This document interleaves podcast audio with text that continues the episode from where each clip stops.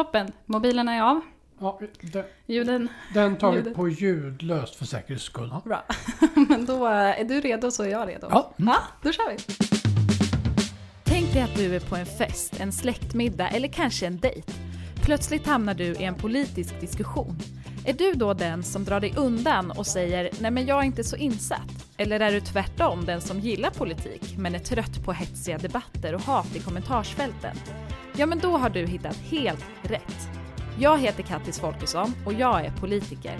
I den här podden så träffar jag gäster som gör någonting helt annat än vad jag gör. Och vi pratar om hur politiken påverkar dem och din vardag. Det här är Inte så insatt med mig, Kattis Folkesson. Lars Ströman är journalist och skriver ledare i vår lokaltidning här i Örebro län, Närkes Allehanda. Vi pratade om allt möjligt, om drogpolitik och hur man ska få stopp på kriminalitet, men också om Taiwan och om relationen mellan journalister och politiker. Här kommer avsnittet med Lars Ströman.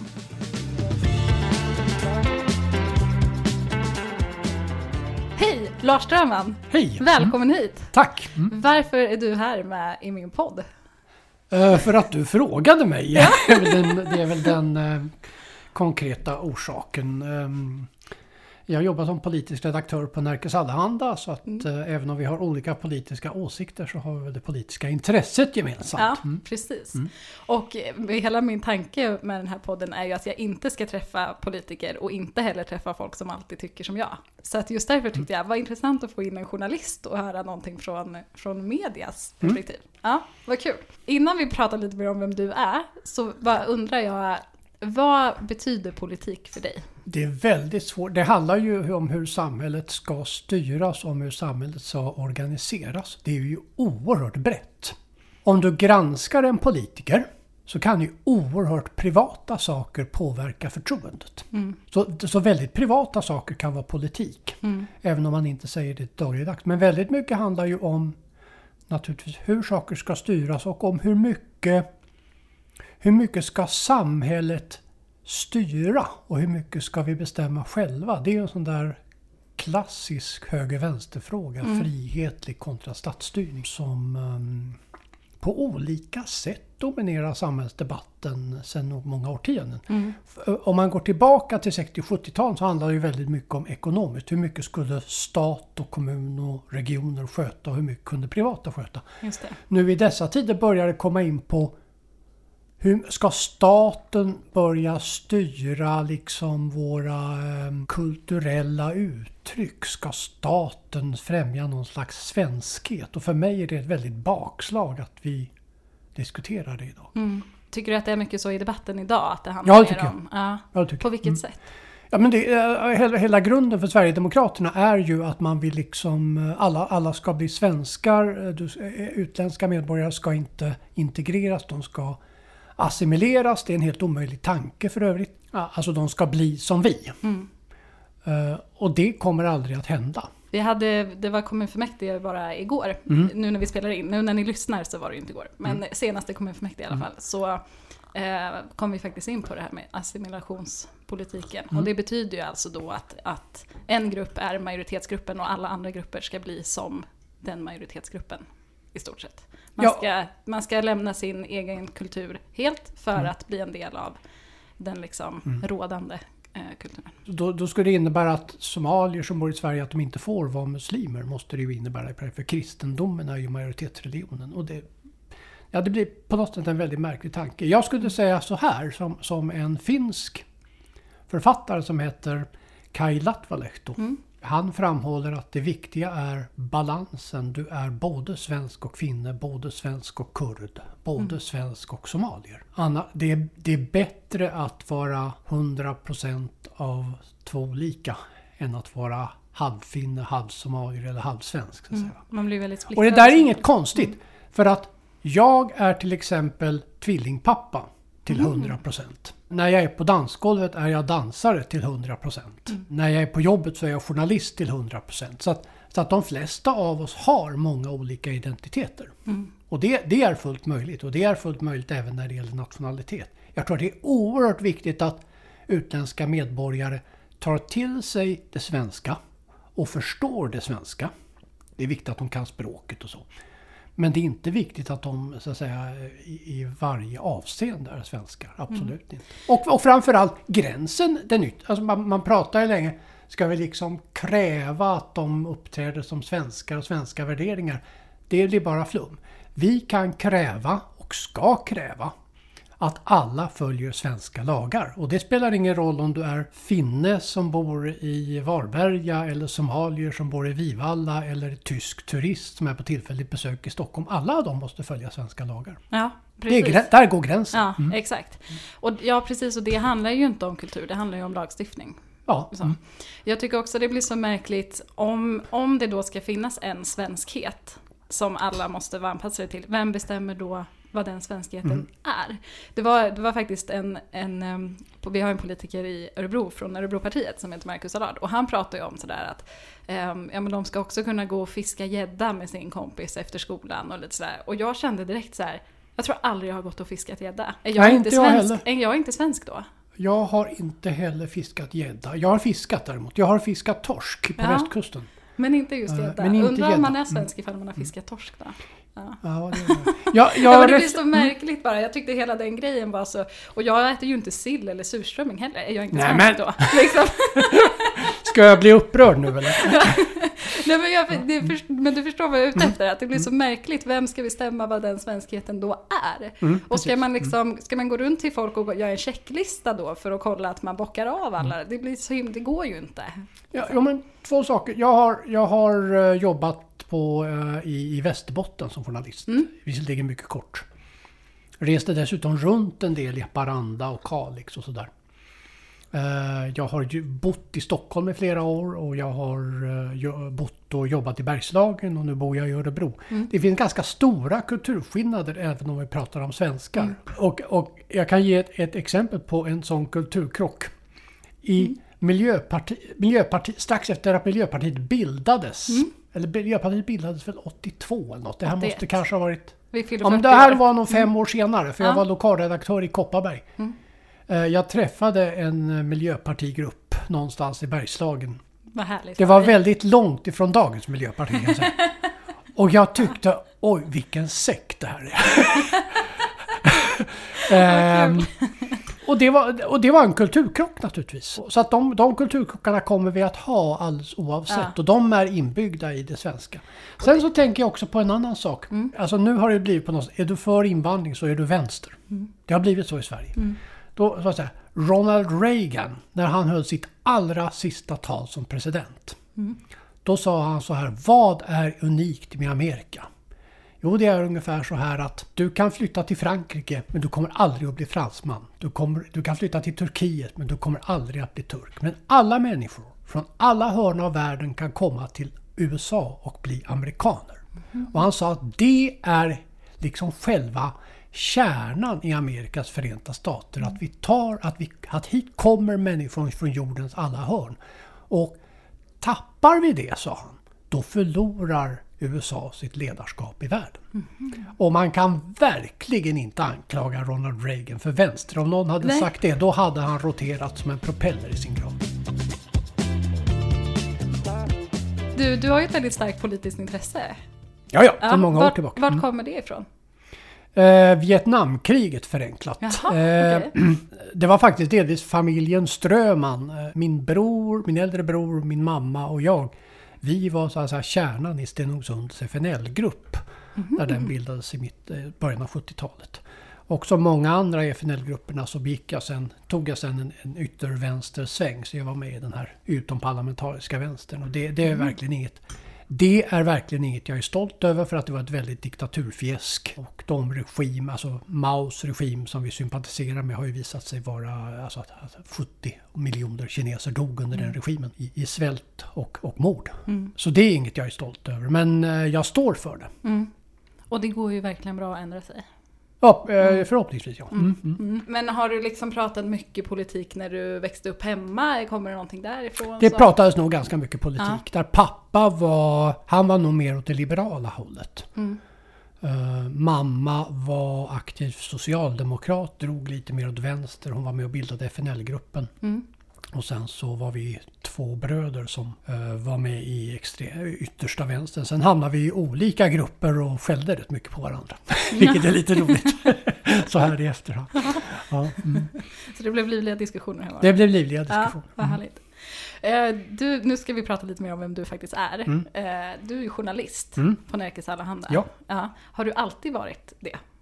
Eller har du gjort någonting annat i ditt liv också? Eh, Någonting annat har jag gjort, eh, men, men min inriktning har nog varit journalist Ja. hela tiden. Eh, Jag har varit lagerarbetare på NK i Stockholm en kortare Mhm. period. Jag var förbundssekreterare på en liten nykterhetsorganisation som hette Förbunden mot droger. Eh, Det var väl en utlöpare på mitt politiska engagemang. Jag har varit ekonomibiträde kök på ett dagis i ett och ett halvt år Jaha, min ungdom. Jag, jag, ja. jag gjorde nämligen lumpen som kock. okej. Mm. Och journalistjobb i Stockholm var väldigt hård konkurrens men eh, de sökte eh, folk som kunde laga mat till ett par dagis i Stockholm så jag sökte de jobben. Vad roligt. Och, och i och med att jag hade gjort lumpen som kock så tyckte de att jag var kvalificerad. Klarar man soldater så klarar man dagisbarn. Mm. Ja. Men eh, hur kom det sig att du blev just journalist då? Det var nog mitt politiska intresse. Det växte fram en journalistik på 60 och 70-talet som var en utlöpare av det politiska engagemanget. Alltså Jan Guillou och hans fru var engagerade i en tidning som heter Palestinsk front och i den gruppen fanns även en man som hette Göran Rosenberg. Och sådär, va. Det var en slags barfota amatörjournalistik som sen blev ju professionell. Jan Guillou blev ju dessutom jag vill inte jämföra mig med honom på något sätt men han, han blev ju så att säga dragen med tvång in i journalistiken nästan. Mm. Men inte du?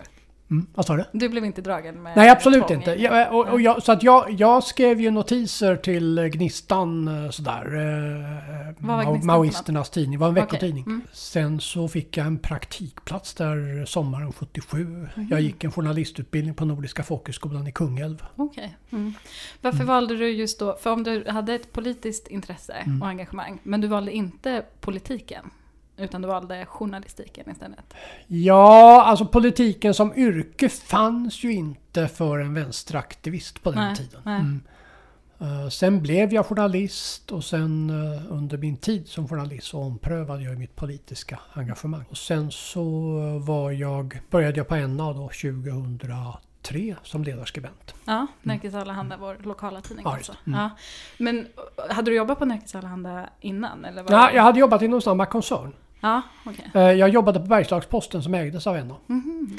Och eh, jag eh, jobbade med ett... Jag, jag, jag fick ett brinnande EU-intresse. Mhm. Och gjorde ett anbud för att göra EU-kommissionens tidning i Sverige. Okej. Så Bergslagsposten hade i uppdrag att göra den tidningen Aha. under fem och ett halvt år. Det var jag som gjorde den. När var det här? Det var mellan 97 och 2003. Ja, så ganska Ja. nyligen efter att Ja, vi hade blivit medlemmar i EU Mm, mm. Och det var jättespännande. Det har jag väldigt stor nytta av även idag. Fortfarande betraktar jag EU som ett av mina specialområden. Ja. mm. vad spännande. Så jag har, jag har ju eh, föreläst om EU på Stockholms universitet för blivande EU-tolkar. Jaha, Mm. okej. Ah, wow. Och, ja, och det är ju spännande för nu skriver ju du, alltså Nerikes Allehanda är ju en lokal tidning, så Mm. där är det ju verkligen lokal journalistik. Det måste ju vara väldigt, väldigt bra att ändå kunna ha den kopplingen mellan EU-kunskapen som är på en så, så liksom abstrakt nivå och sen den lokala eh, Jo, det är väldigt viktigt. som är på en väldigt konkret nivå. Det är oerhört viktigt för, Mm. för att eh, andelen, antal vaccindoser vi får hit till Mm. Örebro är ju liksom avhängigt av eh, hur, hur EU eh, gemensamt kan inhandla vaccin. Mm. Varför är det viktigt att ha media på lokal nivå? Jo, men det är naturligtvis oerhört viktigt för att, för att vad ska man ta för exempel? Alltså ta en enskild konsumentfråga exempelvis. Mm. Alltså en, en, en eh, enskild person som anser sig vara lurad av ett företag eller så. Ehm, eller ehm, hur tillämpar en kommun lokala ordningsföreskrifter? Mm. Eller hur går det till när en eh, miljöförvaltning inspekterar livsmedelsbutiker? På något sätt så är ju all verklighet är ju på något sätt lokal. Mm. Så att, att lokaltidningen har ju... På Bergslagsposten var den där faktorn större, för Bergslagsposten är mindre tidning. Man hade en slags igenkänningsfaktor. Man sa att hela läsekretsen, lite skämtsamt, lite på allvar, att hela läsekretsen ska ha varit med på bild under några års tid. Så. Ja. Det, det är inte realistiskt, men ändå, det var lite så. Mm. Eh, Den verkligheten kan vi inte ha riktigt på NA här i Örebro, men, men det är ändå lite åt det hållet. Mm. Och det är ju hela länet också. Mm. Ja. Det är hela det, man känner igen sig. Mm. Jag var lokalredaktör i Kopparberg och det var en, det var en spännande upplevelse. Det var, det var ett jättetufft jobb faktiskt. Mm. Men, för det var också som att läsarna betraktade de här två sidorna om Ljusnarsberg som vi hade i tidningen. Det var nästan som deras egen tidning. Mm. Det, var, det var hela Bergslagsposten och jag var ansvarig för den. Mm. Det var den känslan man fick. De kunde bli jättearga över små saker. Mm. Men man kunde också få väldigt mycket beröm. Man har ju sett eh, hur lokalmedia liksom krymper egentligen. Mm. Alltså att det blir färre och färre lokala tidningar och det blir färre lokala redaktioner också så. Har man ju pratat lite om. Det, tycker du att det är ett, ett problem? Ja, det är det. Mm. Det är klart att det är. Varför då? Alltså att sitta på ett lokalkontor och ha den närvaron gör väldigt mycket för, det, för journalistiken. Mm. Och samtidigt är det naturligtvis att när läsarna blir färre måste, måste företaget anpassa sig. Mm. Men, men absolut, det, det, det är oerhört viktigt att man går till eh, ja, det som då var Konsum i, i Kopparberg och Mm. träffade folk som sa att du, nu tycker jag du ska skriva om det och det. Och, Mm. och det där förloras naturligtvis. Mm. delvis. Mm. Mm. Vad, vad borde vi från politiken göra då för att eh, motverka en sån utveckling?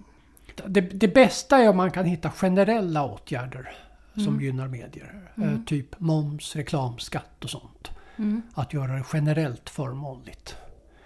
Sen finns det ju så kallat vita fläckar-stöd och sådär numera. Mm. Det vill säga NA har till exempel en reporter som jobbar med Östernärke nu med hjälp av det stödet. Jag skulle tycka att vi skulle behöva, man skulle behöva vita fläckar-stöd kanske även för ett sådant område som Vivalla. Mm. Ja okej, just det. Att det inte kommer så mycket Det är ett ganska, det är ett ganska okärt. Vivalla är en del av Örebro men det är också en egen stad faktiskt. Mm. Det är en småstad i Örebro. Det är ganska stort bostadsområde. Ja, 7000 officiellt så är det väl 7-8 tusen, Mm. inofficiellt kanske 10 000. Mm. Mm. Det är som Nora, typ. Mm. Mm. Hur ser du på relationen mellan en journalist och en politiker? Vad ska den relationen vara? Den ska vara professionell. Mm. Vad är det då för dig? Så här, jag skäller väldigt mycket på Moderaterna Mm. i mina ledare. Jag har ändå en väldigt bra eh, relation med Anders Olin som är Moderaternas oppositionsråd. Jag kan ringa honom Mm.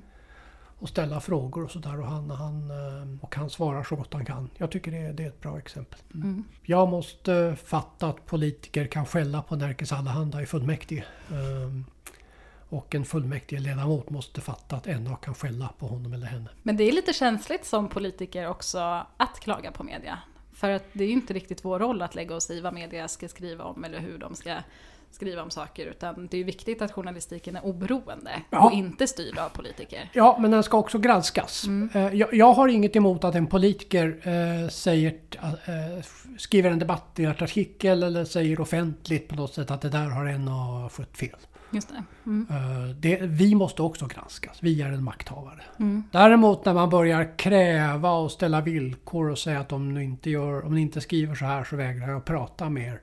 Det tycker jag, för det första är det fel och för det andra är det korkat. Mm. Ehm, så. Mm. Mm. Media och, och ehm, politiken har ju ett ömsesidigt, ömsesidigt beroende av Ja, varandra. mm. Alltså att jag som politiker har ju ett, ett eh, beroende av dig för att jag vill att du ska skriva om, om min politik, om Mm. det Miljöpartiet tycker och det som händer i Örebro kommun. Eh, och du, du behöver ju också liksom veta vad vi tycker för att kunna ge en bra bild av Mm. läget och så. Mm. Ehm, men vad är det som avgör, det här har jag alltid varit så nyfiken på, på era liksom redaktionsmöten, vad är det som avgör vad som blir en nyhet? Ja, vad blir en nyhet? Jag kan tycka att, om jag ska vara självkritisk, att Mm. vi i medierna har lite lätt, eller vi, vi dras lätt till lite lättsålda nyheter. Det kan till exempel vara en riksdagsman eller en kommunal, kommunpolitiker som skriver en helt galen motion. Mm. Vet inte om det har förekommit, men det har säkert. Någon, Det gång, har det säkert. någon gång har det säkert Ja. Det är också väldigt vanligt att politiker granskas eh, utgifter. Mm. Har de fått ut lite för mycket pengar? Vilka hotell Mm. har de bott på? Sådär. Men det, det är ganska lättsålda nyheter. Jag har någon gång tänkt tanken Borde vi inte granska vilka politiker som har fått för lite ersättning? För det tror jag finns. Mm. Och framförallt så granskar vi inte de här lite komplicerade sakerna. Mm. Vad innebär det att höja kommunalskatten i Örebro med, säg 50 öre? Det innebär naturligtvis att kommunen får in x antal miljoner men det innebär också att Örebroarna får lite mindre pengar i fickan. Det innebär någonting för Pressbyråkiosken vid Järntorget Mm. eller cykelhandlaren runt hörnet och Mm. sådär. Va? Eh, och vad får det i sin tur för följder för ekonomin i stort? Det där är ingen självklarhet. Nej. Och det där tycker jag blir så svårt också för att jag förstår ju att som Nerikes Allehanda är ju inte public service utan ni är ju en, en privatägd Mm. tidning. Eh, så att ni behöver ju få pengar någonstans ifrån. Eh, ni får väl, dels får ni väl lite pressstöd antar jag. Ja, numera Ja. får vi pressstöd. Ja, eh, så det, och det är ju pengar från staten. Mm. Men sen är ju ni beroende av pengar från andra håll. Liksom. Ja, mm. Eh, så att det är ju typ som jag som prenumererar och, och då behöver betala lite för att Mm. få se era, era artiklar online. Ehm, och eh, ni har massa annonsörer och sådär. Mm. Men det är väl också en grej jag tänker på att det som kan bli svårt för, för media från mitt perspektiv då är ju att, att man kanske måste skriva artiklar som säljer för att få fler prenumeranter. Mm. För att få företag att vilja annonsera i tidningen. Hur, kan det där gå överstyr? Eller hur liksom, Det kan det göra, Ja. absolut. Visst kan det göra det. Mm. Eh, Jag tror att det är viktigt att vi tittar på vad som säljer. Mm. Men det är också viktigt att vi inte bara tittar på vad som säljer. Vi måste skriva även om det tråkiga. Men, Mm. Hur balanserar sådär. man det då? Jättesvårt Mm. eh, att ge något enkelt svar på det. Jag märker att när jag skriver om... Jag har en ganska klar linje när jag skriver om kriminalitet och sådär. Där kan jag uttrycka mig väldigt drastiskt. Mm. Och stå för det. Jag, jag tror inte jag har skrivit något som jag står och som jag tycker att ah, det där borde jag nog inte. Jag tror faktiskt jag kan stå för det. Med, Mm. för, för det. Säg att det går en hel vecka då du bara får skriva om saker du inte är ett dugg intresserad av. Ja men det händer nog inte. Det händer inte? Nej, det händer inte. Nej, vad skönt. Nej, mm. Nej. Men det går att hitta drivkraften även de dagarna? Ja, hittills i alla fall. Ja, Ja, mm, vad skönt. mm, för du har hållit på med det här länge. Ja.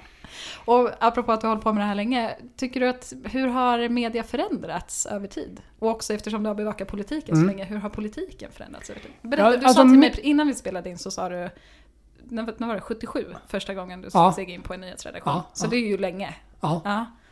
Jo, men med, om man tittar på, om man går tillbaka till Hylands hörna. Du har sett, har, alla, alla har väl sett den här scenen där Tage Erlander berättar en rolig historia i Hylands hörna. ja, alla förutom jag i sådana Nej, fall. okej. Mm. Och det går att söka på den på. Youtube. Om, Ja. om, om, eh, på den tiden hade vi en TV-kanal. Alla tittade på Hylands hörna. Mm. Det där finns inte riktigt på samma sätt. Fortfarande är det miljontals människor som tittar på Mello. Eh, Kalle Anka på julafton har fortfarande höga tittarsiffror. Jag tror att även eh, Tunna blå linjen tittas av väldigt många. Men det är inte riktigt, ah, det är inte, det är inte samma entydiga grej. Så att, så att variationen i medierna är mycket större. Det är inte, det är inte självklart att du träffar, att, att, att, att ni har ett gemensamt samtalsämne när ni går till jobbet dagen efter. Det, det är en tydlig tendens. Mm. En annan tydlig tendens, och där tror jag politiken påverkas av medier och sociala medier.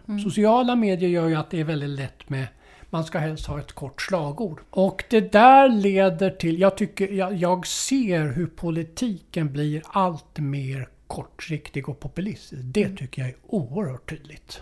Man är inte, det är väldigt tydligt när det gäller kriminalpolitik. Det, det, det, jag ser inget politiskt parti som ger sig in i Vivalla på djupet och ser vad som behöver göras. Utan det partierna gör det är att man klistrar sina egna genrebilder på Vivalla. Och använder Vivalla som slagträ. Det gör ganska ont på Vivallaborna kan jag säga. Och det blir väl väldigt, väldigt, väldigt skadligt. Alltså kriminalpolitiken som förs i offentligheten i Sverige är uppfuckad faktiskt. Det, det är riktigt, riktigt skrämmande. Mm. Det innebär inte att allt som görs är dåligt. Jag tycker många av regeringens 34 punkter är relevanta. Mm. Men det saknas ganska mycket. Du lyssnar på Inte så insatt med mig, Kattis Folkesson. En helt annan grej. Mm. Jag har en Kattis frågeskål. Ja, Ja. För att bryta av lite eh, med något helt annat. Ja, och jag kommer ta en fråga Mm. som jag ställer till dig och så ska både du och jag svara på den Okej. frågan. Och det kan handla, några handlar om politik, några handlar om något helt annat. Mm. så det är väldigt blandat. Ja, nu tar jag någon här då. eh, Och då var det en politisk fråga faktiskt, som Markus Lutterman har skrivit, eh, som var här i podden. Vilken är den viktigaste politiska frågan just nu? vill du svara? Nej, kör du. Jag skulle säga försvaret av demokratin börjar bli allt mer viktigt. Ja. Mm. Jag, ja, vad, vad spännande, jag satt faktiskt också och tänkte Mm. lite på det. Kan du vilja utveckla? Ja, mycket enkelt. Eh, Alltså, för det första så har vi eh, ett stort parti i riksdagen som åtminstone är tveksam till demokratin som sy- styrelseskick. Jag påstår inte att de är nazister, men jag säger att det finns nazistiska drag i dem och de har en, de har en förkärlek för, auktoritära, för auktoritärt tänkande och auktoritära regimer. Mm. Det, det är ett tydligt exempel. Ett annat exempel är att Ungern betecknas inte längre som fritt land av Freedom House och det finns universitet som konstaterar att de är inte längre en fullödig demokrati. Mm. Utan det är en slags halv-auktoritärt styre. Ungern har lagstiftningsmakt i Sverige genom sitter i EU. EU-systemet. Ja. Mm. Mm. Eh, Och det är i längden ohållbart. Mm. Jag skulle säga det här är kanske inte en politisk fråga i sig, men någonting som jag tycker är väldigt viktigt är tonen i den politiska debatten Mm. eh, just nu, som jag tycker är på väg åt helt fel håll. Eh, Och det är väl också lite sådär som du var inne på med att man måste uttrycka sig så kort. Mm. Eh, Att man inte kan, kan förklara mer hur man resonerar kring Nej, olika komplexa frågor. Och jag tycker också att det är mycket mm, att man i politiken liksom kastar saker på varandra. Att man gärna vill tillskriva varandra olika åsikter. Mm. Och att man vill styra den, an, de, den andra partens eh, budskap. Istället för att låta den, den politikern prata, så här tycker jag, så här tycker mitt parti. Och sen kan man själv säga, så här tycker jag, så här tycker mitt- parti. Så är det ju inte riktigt i debatten. Utan det är mycket, ni tycker det här, ni tycker det här. Eh, du har sagt det här och det här är fel och det här är dumt och du är sån här person för att du tycker så här. Alltså det är mycket, det blir väldigt mycket så i debatten. Mm. Så har det nog i och för sig alltid varit. Har det det? Ja, Eh, du som men har varit med länge. Det skulle jag Mm. nog säga. Det jag saknar är, jag saknar ett blocköverskridande ansvar. Mm. Hur då? då? Moderaterna framförallt borde ibland backa och säga att här ska vi försöka komma överens med Socialdemokraterna. Till exempel i grundlagsfrågor och Mm. sådär. Va? Ehm, Man borde oftare säga att här är vi faktiskt helt överens. Just det. Mm. Ja, det håller jag också med om. Eller Man borde vara överens om vissa frågor. Jag tycker inte Kristdemokraterna och Moderaterna och framförallt inte Liberalerna överhuvudtaget ska samregera med Sverigedemokraterna. Men om man nu ska göra det, där kan vi ha olika åsikter, men om man nu ska, då borde man ju tydligt markera att här går våra gränser. Just det. Jag blir väldigt orolig över att man inte gör det. Mm. Nu blev ju jag lite deppig att det alltid har varit så här. Då kanske det inte går att ändra tillbaka debatten till något, någon drömbild som jag har. Men en sak som jag ändå då måste lyfta, hat och hot Mm. mot politiker och också mot journalister. Mm. Ehm, Det har ju blivit väldigt, i alla fall synligare med sociala medier. Ja, det har det blivit. Ja. Har det varit mycket så tidigare också innan eh, Det har internet fanns? förekommit. Jag fick, jag kom Mm. själv, jag ringde, jag fick själv några telefonhot eh, om det var på 80 eller början av 90-talet. Mm. Och fick en sån här spårare från Televerket som det Mhm. hette då. För att kunna spåra om de ringde igen. Så. Men idag, idag kan man ju spåra det där helt automatiskt. Mm. Så, att, så att det har nog alltid förekommit sånt också. Men Ja. det, har, eh, det har blivit värre och det har blivit lättare att rikta mot enskilda personer. Jag har en jag får ju en bestämd känsla av att kvinnor är värre utsatta Ja, än män. Eh, Vi har också varit med om på NA att vi har gjort intervjuer med kvinnor med invandrarbakgrund och att de drabbas Ja. av hat. Och det, det är oerhört allvarligt. Mm, verkligen.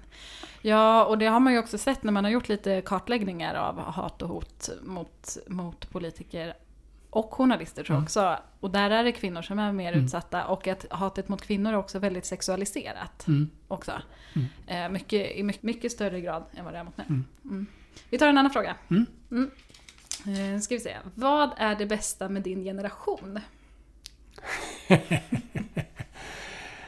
Ja du, alltså protestkulturen är väl inte så dum. Det finns Mm. ju en sån va. Vilken skulle du säga att din generation är? Alltså jag är ju egentligen inte en 68-generation. Jag var nio år när det var 1968 och Ja. ockupationen av kårhuset. Jag kom strax efter. Men jag var ju ändå väldigt präglad av den. Och den här uppkäftigheten, den, den eh, ser någonting Mm. bra med. Ifrågasättandet och sådär. Mm. Gud vad är det bästa med min? Ehm, jag är ju 90-talist. Det jag nog gillar med min generation är att vi att det inte finns en bestämd bild av i vilken ordning saker ska komma i livet. Du måste inte plugga efter gymnasiet. Eller du måste inte skaffa ett jobb och sen ha det jobbet livet ut. Eh, Du måste inte gifta dig först och skaffa barn sen. Och också så här, det, det spelar du kan skaffa familj när du är 20 men du kan också skaffa familj när du är 35. Mm. Liksom. Att det inte har någon betydelse för när du är klar i livet eller så. Liksom. Jo, men det, gillar jag. Det är ju en mer frihetlig bild Ja. så att säga av hur människor kan välja. Mm. Som är väldigt positiv. Mm. Jag växte ju upp med min mamma som hemmafru. Mm. Sen eh, mot slutet av 70-talet så vidareutbildade hon sig och slutade och, och gick, ut, gick ut i arbetslivet. Så. Berätta om ett barndomsminne som har med politik att göra. Jag kan berätta direkt. Det är att vi sitter hemma och eh, pappa är med Miljöpartiet i Nora hemma hos mig.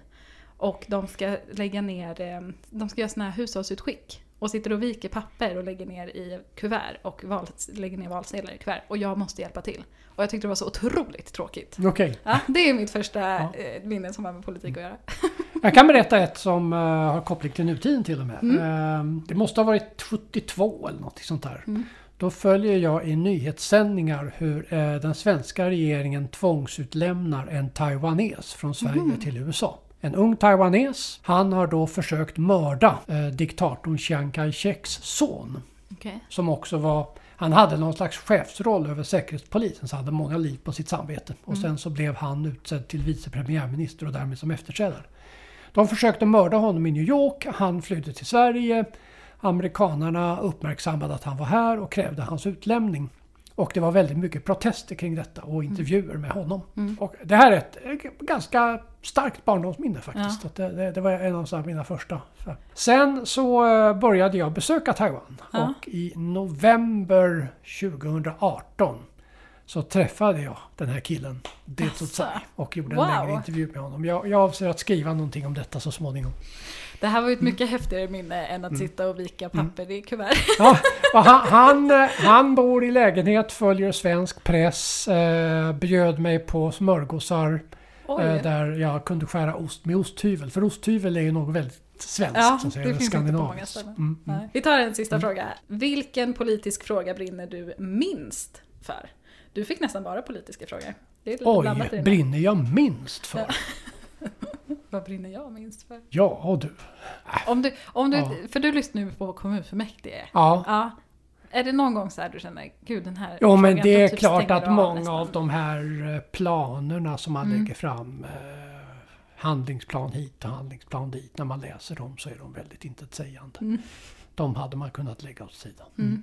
Jag sitter och funderar på om jag tycker att parkeringsfrågor eller kanske skattefrågor som är liksom väldigt specifika skatter. Kanske inte inkomstskatt för det är ändå lite Mm. större fråga. Mm. Men eh, här superspecifika skatter kanske jag inte tycker är så kul. Vi pratade lite om fastighetsskatt innan du och jag. Mm. Jag känner bara, det här är inte en fråga Okej. jag brinner för. Det är en ganska, vik- det är en ganska viktig Det fråga. är ju det. Ja, mm. Men och sen kan det ju vara det finns ju viktiga frågor som jag liksom vet är viktiga Mm. och som jag känner är viktiga. Mm. Men att jag kanske inte brinner för dem. Mm. Ja men det, Mm. så här. Jag, på något sätt. Jag har skämtat om det här någon gång och det borde jag kanske inte göra. Men, men jag, jag fick någon så här. Det finns sån här mag-tarmsjukedagen Mm. som högtid höst. Och det är klart, nej det ligger väl inte sådär Nej. att jag kastar mig över det. Mm, jag tar parkering. Sådär va, men, men, det, men det är ju en viktig fråga för många människor. Mm, exakt. Mm. Ja men precis, för så kan det ju vara. Att, att man förstår att frågan är viktig. Men jag personligen tycker kanske Mm. inte den är Precis, den roligaste. Mm. Och ja, jag tror nog jag landar i parkeringsfrågor ändå. okej. Jag Mm. tycker det är extremt tråkigt.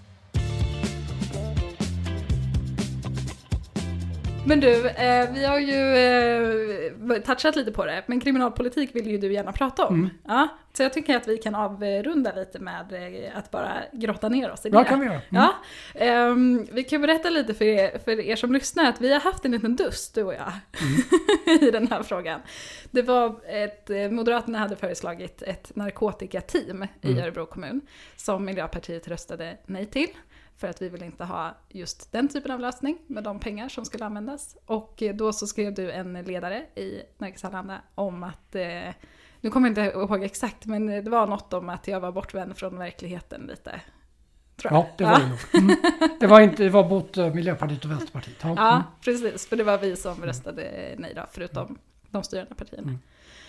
Vad, vad kommer ditt intresse för just kriminalpolitik? Var kommer det ifrån? Eh, eh, Det började med, att, eh, med drogpolitik faktiskt. Alkohol och narkotika. Ja, för du sa ju att du var Ja. generalsekreterare i nykterhets... Ja, inte, ja förbundssekreterare. Förbundssekreterare. Generalsekreterare låter lite pampigare. Ja. Ehm, var en mycket liten organisation. Så. Jag jobbade på heltid för dem. Men alltså den, den, den frågan intresserade mig för på, alltså när jag gick i gymnasiet sådär. Då var vän, som vänstersympatisör så var det på något sätt självklart att tycka att, att ja, om man har hög arbetslöshet och social misär så är det klart att det leder till missbruk. Mm.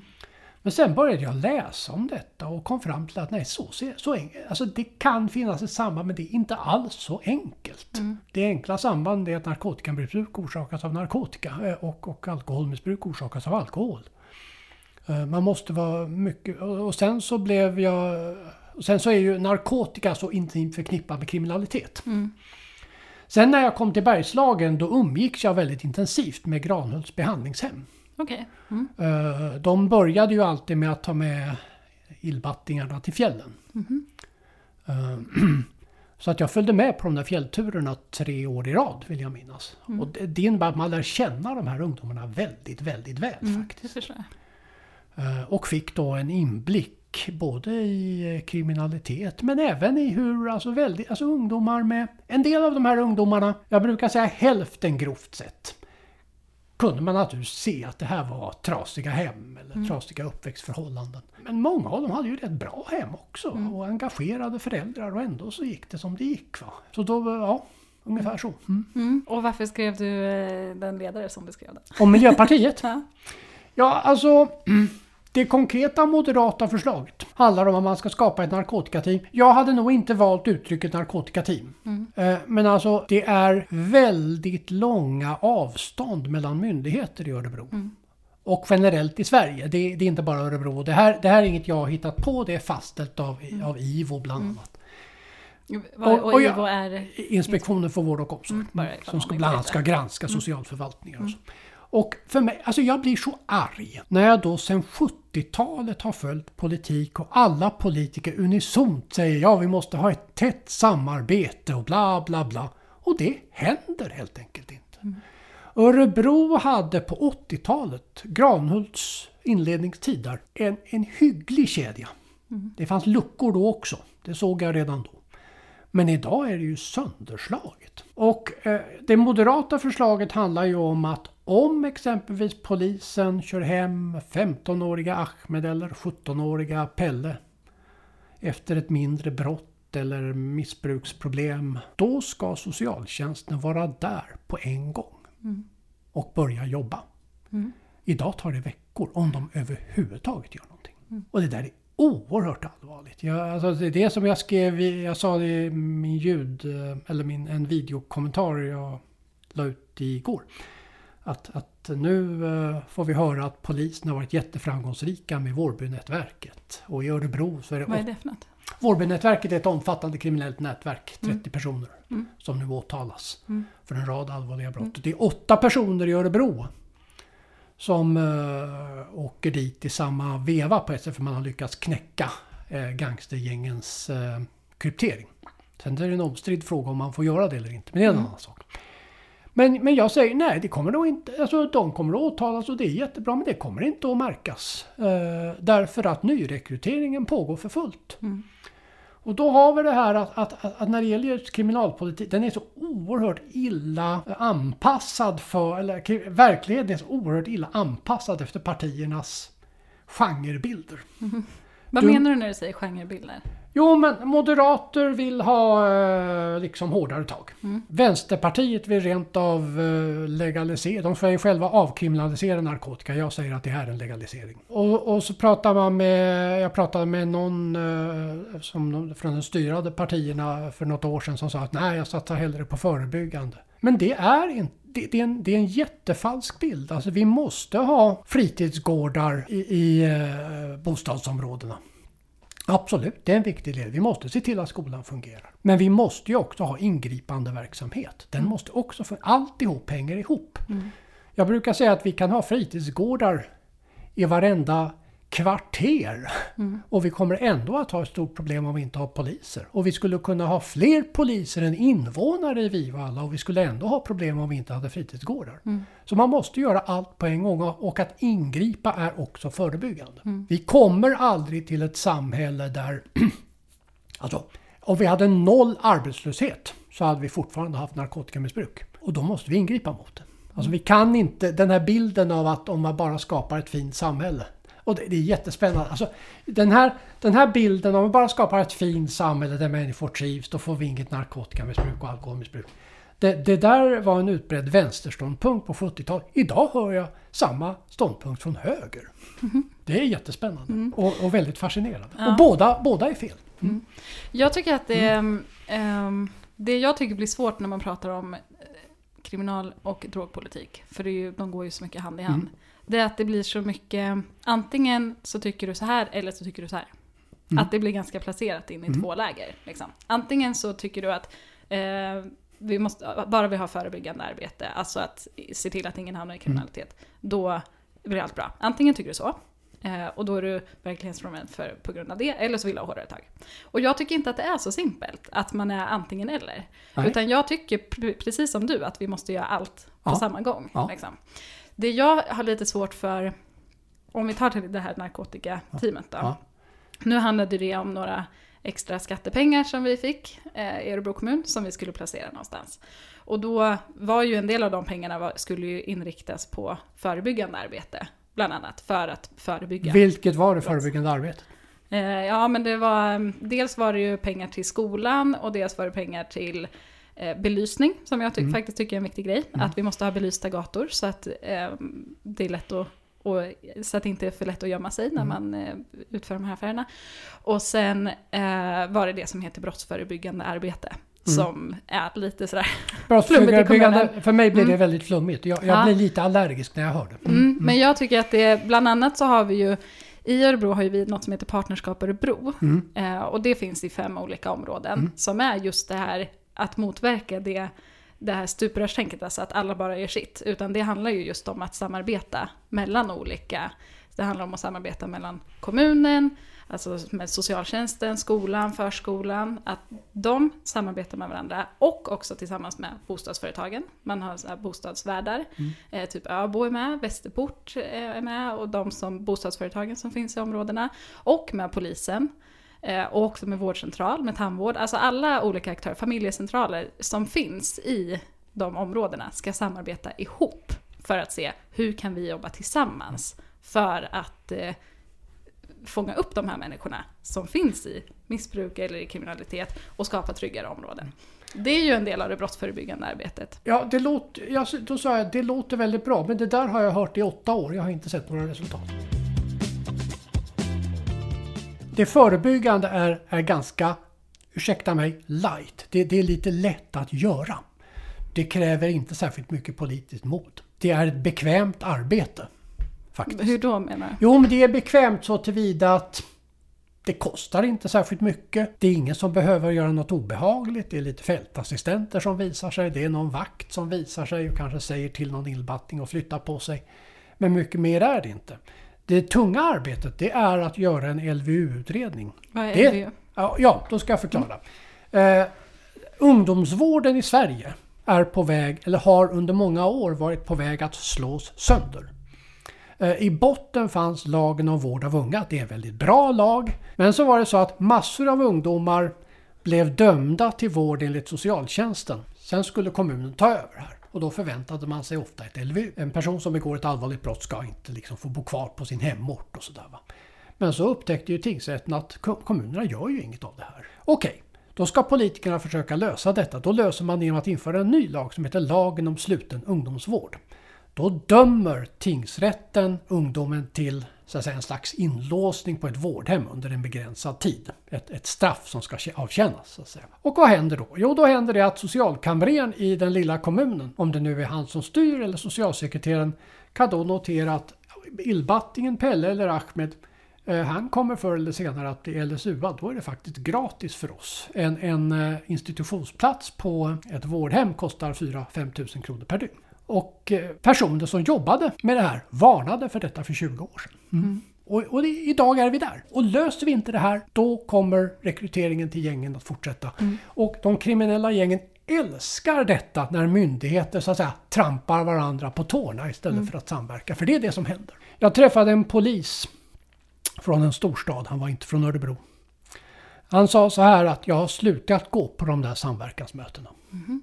För att jag, jag har ju inte varit någon fluga på väggen på sådana möten i Örebro. Men han sa så här.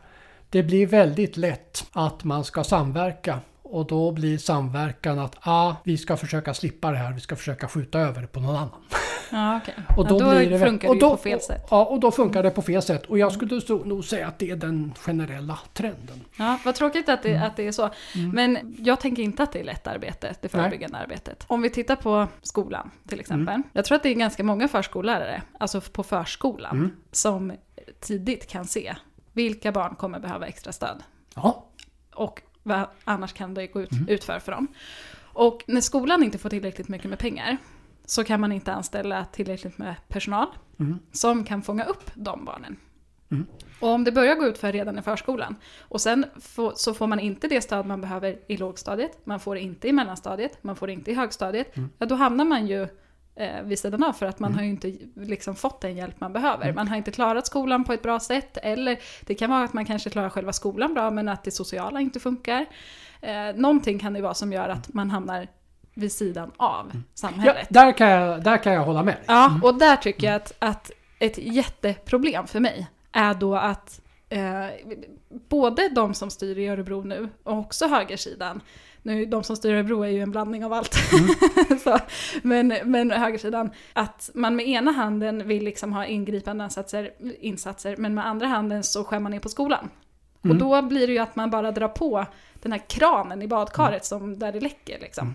Jag är inte säker. Och, och, det, och det är det jag menar med att jag tror inte att det är ett så himla lätt Nej. eh, arbete att jag jobbar med det förebyggande. För att man måste satsa pengar på att ha tillräckligt med, med personal i skolan. För att som det är nu så har de ju knappt tid att ens uppnå att se till att eleverna uppnår målen och har en bra undervisning. Och då har man ju ännu mindre tid till att fånga upp de här sociala bitarna också, som är otroligt viktiga för att fånga upp barnen redan tidigt.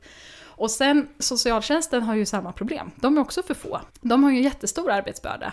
När det kommer in orosanmälningar och sånt, det blir ju en lång handläggningstid för att de är för få som inte kan lösa av varandra. Man har inga som löser av dem när de ska ha semester på sommaren. Vem löser av dem då? Då ligger det massa eh, anmälningar på hög och då tar, tar det ännu längre tid. Medan en del barn kanske faktiskt har det som värst på sommarlo- sommarlovet för att då måste de vara hemma, då kan de inte gå till skolan. Och om hemsituationen är jobbig så blir det ju ännu jobbigare för dem då om de inte får hjälp under sommaren. Och så skjuts det upp ända till, till hösten och sen så har man inte tillräckligt resurser på socialtjänsten för att hjälpa alla som behöver hjälp, ja men då hamnar man ju utanför, utanför redan från början. Sen kommer det alltid finnas individer som kommer hamna i drogmissbruk ändå, eller som kommer hamna i kriminalitet ändå. Och där är det ingripande arbetet otroligt viktigt. Polisen är, är jätteviktig där eh, och måste kunna göra sitt jobb. Och där måste också typ kriminalvården göra ett bra jobb och se till att de som hamnar inom, man har ju en nollvision inom kriminalvården, att ingen som eh, ska falla tillbaka i kriminalitet igen när den har eh, muckat, alltså lämnat fängelset. Och det behöver ju de kunna jobba med också. Det är ju också som du säger, det ingripande arbetet är en del av det förebyggande arbetet. Men om man tar pengar från det förebyggande arbetet, alltså från skolan och från socialtjänsten till det ingripande, då kommer ju, då kommer ju allt bara fortsätta. Alltså det jag ser i kriminalpolitiken, delvis ser jag det hos dig också nu. Ursäkta mig. Mm, nej, du, Det är att vad, vad, vi har ett problem Mm. och vi lämnar det till politiken. Vad säger då politiken? Det finns två saker politiken då brukar säga. Den ena är mer pengar, den andra är ny lag. Det är Mm. liksom, eh, Men problemet är att, jag vill inte säga att det aldrig behövs mer pengar, det, det vore jättedumt av mig. Men alltså Problemet är att det handlar faktiskt om ett basarbete som ska göras och som ska uppmuntras. Och den stora luckan i systemet nu är ungdomsvården. Och jag ser ingen ja, som vill göra något åt det. Jag tycker det är så otroligt elakt. Och där blir ju pengar blir ju faktiskt en fråga. Nu låter jag ju verkligen som en politiker då, så som Mm. Ja. Mm. du målar upp oss. Eh, och, jag- och, men det är ju så. Alltså, om, om vi ska ha personal som ska kunna jobba så att vi har en socialtjänst som är öppen dygnet runt, året runt, då måste vi ju ha personal som gör det och personal kostar pengar. Och Jag, därför måste jag tror att det kan pengar. behövas mer pengar. Men, men när jag läser IVOs rapport om hur LVU funkade Mm. så är det verkligen inte entydigt.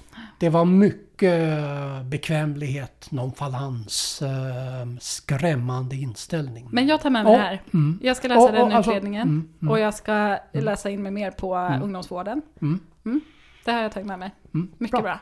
Du sa också en jättebra grej där i slutet bara som jag vill haka på. Att den kriminella i sig är ju också en människa. Ja, ja. Mm. Som har hamnat där av någon anledning. Det kan jag ha svårt för hela den här hårda straff, hårdare straffdebatten. Jag tycker en del straff ska vara Mm. eh, hårdare faktiskt. Det tycker jag, speciellt kring sexualbrott och så. Eh, men det skapar en bild. Jag har själv jobbat i kriminalvården också. Mm. Jag upplevde, folk frågade mig innan när du inte, ska det bli jobbigt med liksom de, de intagna och sådär. Det jobbiga var de kriminalvårdarna, om Mm. jag ska vara lite raljant nu. För att synen på de som sitter inne är så himla... Det är en så konstig människosyn tycker jag. Det är som att det är inte människor utan kriminella, det är en annan flock människor Mm. som har förbrukat sin chans att, att behandlas som en människa. Och den bilden tycker jag är så otroligt problematiskt. Mm. För att då kommer vi aldrig få folk ur kriminalitet. Så här är det. Normalstraffet för mord har väl nu fastställts till 16 års fängelse. Ja, mm. Skulle jag sova dåligt på natten om den som skjuter på Örebros gator döms till 30 års fängelse? Nej, det skulle jag inte. Men man ska alltid... Vi, vi är ändå, oavsett hur långa straff det är, så är det ändå så att personen kommer förr eller senare ut igen. Det måste vi tänka på. Eh, Så jag delar din uppfattning. Och brottsofferperspektivet och perspektivet att försöka få folk att avhålla sig från brott är, ehm, är ingen motsättning naturligtvis. Nej. Men alltså titta på de här som skjuter. De har ju ofta varit aktuella hos socialtjänsten under- många år. Mm. Läser man protokollen från Örebro tingsrätt så ser man att det här fungerar inte tillfredsställande. Och, och det gör mig det gör mig så arg. Mm, det gör mig jättearg Eh, också. alltså även om polisen syr in 20 svårt kriminella. Nyrekryteringen växer fram. Jag Mm. brukar säga att det är tre åtgärder vi ska vidta mot kriminalitet. Man ska punktbevaka ett fåtal kriminellt belastade personer. I Vivalla 10 personer ungefär. Två, man ska ha mycket tidigare ingripanden mot unga som är criminals wannabe. Va? Och tre, man måste slå mot narkotikahandeln. Alla de här tre sakerna måste göras på en gång och det måste göras både med mjuka och hårda åtgärder. Om man inte gör de här tre sakerna så kommer det, att, eh, så kommer det inte att fungera. Nej, men jag, håller, jag är helt med dig Mm. i frustrationen. Jag tycker varenda skjutning är ett misslyckande från Mm. politiken. Och det måste vi ta ansvar för, Mm. tycker jag. Och vi måste göra åtgärder kring det. Och det kan jag bli så... Mm. Jag blir så frustrerad över att den politiska närvaron eh, inte finns Nej. i den, de här frågorna när det Nej. händer i Örebro. Nej. Mm. Det var ju bara för ett tag sedan vi hade någon skjutning. Jag har inte sett någon annan, annan politiker än Nej. jag själv då uttala mig om det. Jag kan, jag kan säga Ja. ett av mina förslag är faktiskt som jag har fört fram någon gång. Det Mm. är efter, ett visst, efter brott av en viss allvarlig karaktär, ta en skjutning. Mm. Då skall det alltid genomföras en haveriutredning. För att även om polisen inte, även om man inte kan fälla någon för mord, så vet man vet vem mördaren är. Man kan med ganska stor sannolikhet fastställa vilka som troligen har gjort det. Och så kan man kartlägga vad har myndigheterna gjort åt dessa personer. Och jag är helt säker på att man i nästan alla de här fallen kommer att hitta anmärkningsvärda brister. Eh, Så på det sättet sätter man ju press på myndigheterna. Det behöver inte vara för att hänga enskilda personer. Det är ungefär som en haveriutredning efter, efter en flygkrasch. Mm. Det kommer förslag som är ett flipperspel istället för att titta på de lagar och de resurser och de samhällssystem vi har som inte riktigt funkar. De behöver lagas lite. Verktygen ligger där på bordet. Eh, Börja använda dem istället för att hitta tio nya verktyg. Jag ska avsluta med en sista grej. Eh, det heter Tänk snabbt. Jag kommer säga det här eller det här. Mm. Och så får du säga vilket av dem du väljer. Oj då. Ja, Ja. får du vara snabb här. Radio eller TV? TV. Tårta eller bullar? Bulle. Sandstrand eller klippor? Klippor. NA eller P4? Eh, NA. Mm. Eh, journalistik eller politik? Eh, Journalistik. Ja. Vem är din favoritpolitiker i Örebro? Oj, det var svårt. Jag tänkte ju, det var jättelätt. Det bara där säga var svårt. Ehm, Om jag går tillbaka, Henry Allard tyckte jag var en, en spännande person så. Jag tycker i och för sig Lennart Bondesson eh, är en person, ideologiskt står jag på något sätt vis rätt långt ifrån Bondesson. Han är medlem i ett ganska konservativt parti. Mm. Men jag tycker han har kurage. Han står för vad han säger även när det blåser motvind. Mm. Um, jag gillar också och det, och det har jag den största respekt för. Jag, ja. jag, jag gillar honom. Ja, jag med. Mm. En sista fråga. Du ska få säga med en mening varför man ska rösta. Om du vill påverka din vardag så ska du rösta. Mm. Vad bra. Tack så mycket Lars Strömman, vad kul att ha dig här. Mm. Ja, som vanligt lärde jag mig massor med nya saker här i podden. Det är så roligt att ha mina gäster här.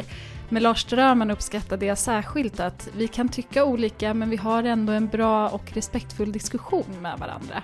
Det saknar jag ibland i politiken, så tack för det Lars. Glöm inte att följa podden på Instagram, inte så insatt heter jag där, och så hörs vi i nästa avsnitt. Tack och hej! Du har lyssnat på Inte så insatt med mig, Kattis Folkesson.